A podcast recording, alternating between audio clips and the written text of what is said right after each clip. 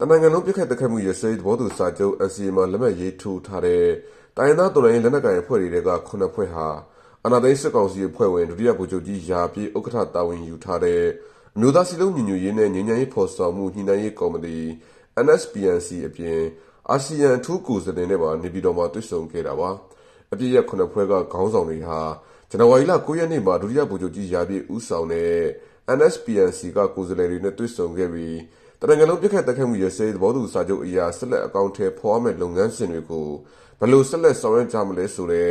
ဇပွဲဝိုင်းယဉ်ကျေးမှုအနေအထားတွေကိုသာဆွေးနွေးခဲ့ကြပြီးလက်ရှိမြန်မာနိုင်ငံမှာကြုံတွေ့နေရတဲ့နိုင်ငံရေးစစ်ရေးအခြေအနေတွေကိုဆွေးနွေးခဲ့တာမရှိဘူးလို့ငញ្ញရင်လုပ်ငန်းစဉ်ဥဆောင်အဖွဲ့ PPST ပြောရေးဆိုခွင့်ရှိသူကပြောပါတယ်အဓိကကကျမတို့အရင်တွေးဆုံဆွေးနွေးခဲ့တဲ့တစ်ဖွဲ့ချင်းဆွေးနွေးခဲ့တာရှိတယ်သုံးဖွဲ့ချင်းဆွေးနွေးခဲ့တယ်ငါးဖွဲ့သုံးချိန်ဆွေးနွေးခဲ့တဲ့ဒီမှာကျမတို့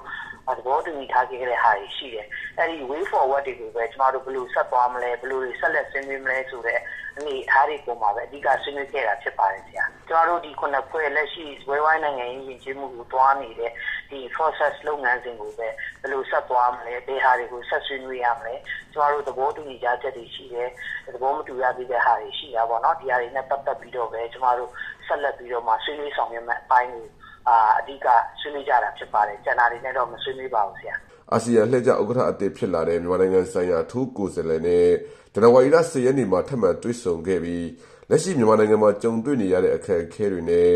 အာဆီယံဘုံသဘောတူညီချက်၅ချက်အပြင်လူသားချင်းစာနာထောက်ထားမှုအကူအညီတွေအပြည့်အဝရရှိရေးကို NCA လက်မှတ်ရေးထိုးထားတဲ့အပြည့်အအဖွဲ့တွေဘက်ကဆွေးနွေးခဲ့ကြတာပါအာဆီယံထူးကိုယ်စားလှယ်ဘက်ကတော့သူတို့အနေနဲ့အာဆီယံဘုံသဘောတူညီချက်အပေါ်မှာလာဆက်လက်အကောင့်ထဲပေါ်သွားမှာဖြစ်ပြီး အရေးတာဝန်ယူခဲ့တဲ့အထူးကိုယ်စားလှယ်တွေနဲ့ဆွေးနွေးတိုင်ပင်ပြီးမြန်မာနိုင်ငံအရေးကိုဖြည့်ရှင်းဆောင်ရွက်တော့မှာဖြစ်တယ်လို့ဆိုပါတယ်။အဓိကကျွန်တော်တို့တင်ပြတာကတော့ဒီ55 consensus ကကျေပြန့်နေ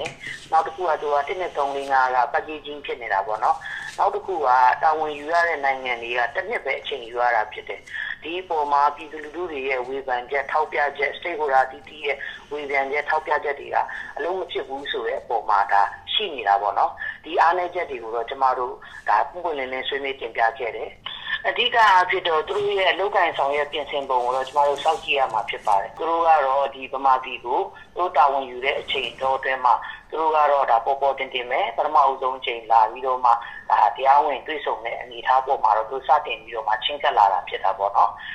ခက်ခဲတွေစိန်ခေါ်မှုတွေဒီတိကတွေအပေါ်မှာတော့သူတို့တွေလည်းသိတယ်အဲ့ဒီပုံမှာတော့ကျမတို့ကတော့ဒီ humanitarian ကိစ္စရပ်ဒီပုံမှာပုံမူပြီးတော့မှလောက်ကင်နိုင်ဖို့အတွက်ကိုတော့မျှော်လင့်မိပါတယ်။ဘာလို့လဲဆိုတော့ဒီနိုင်ငံတကာအကူအညီတွေအနေနဲ့ကျမတို့ဒီ IDP တွေရဲ့ data တွေကိုပုံမူရောက်ရှိနိုင်ရေးအတွက်ကိုလည်းတကယ်အနည်းပြင်မှာ niche လိုအပ်နေတာဖြစ်ပါတယ်။ဒီအချက်တွေအပေါ်မှာတော့သူတို့ပုံမူပူပေါင်းပါဝင်ဆောင်ရွက်ပြီးတော့မှကျေရည်ပြန်ပြန်လှုပ်ဆောင်နိုင်မယ်လို့တော့ညှော်လင့်မိပါတယ်ဆရာ။အာဆီယံက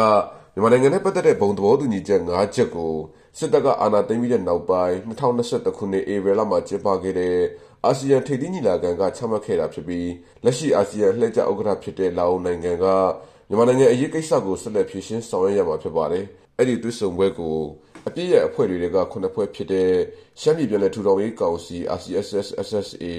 မွန်ပြည်သက်ပါတီရခိုင်ပြည်လူမျိုးရေးပါတီ AAP အိုမျိုးသားလူမျိုးရေးအဖွဲ့ချုပ် PNLO ကရင်ငြိမ်းချမ်းရေးကောင်စီ KNLA-PC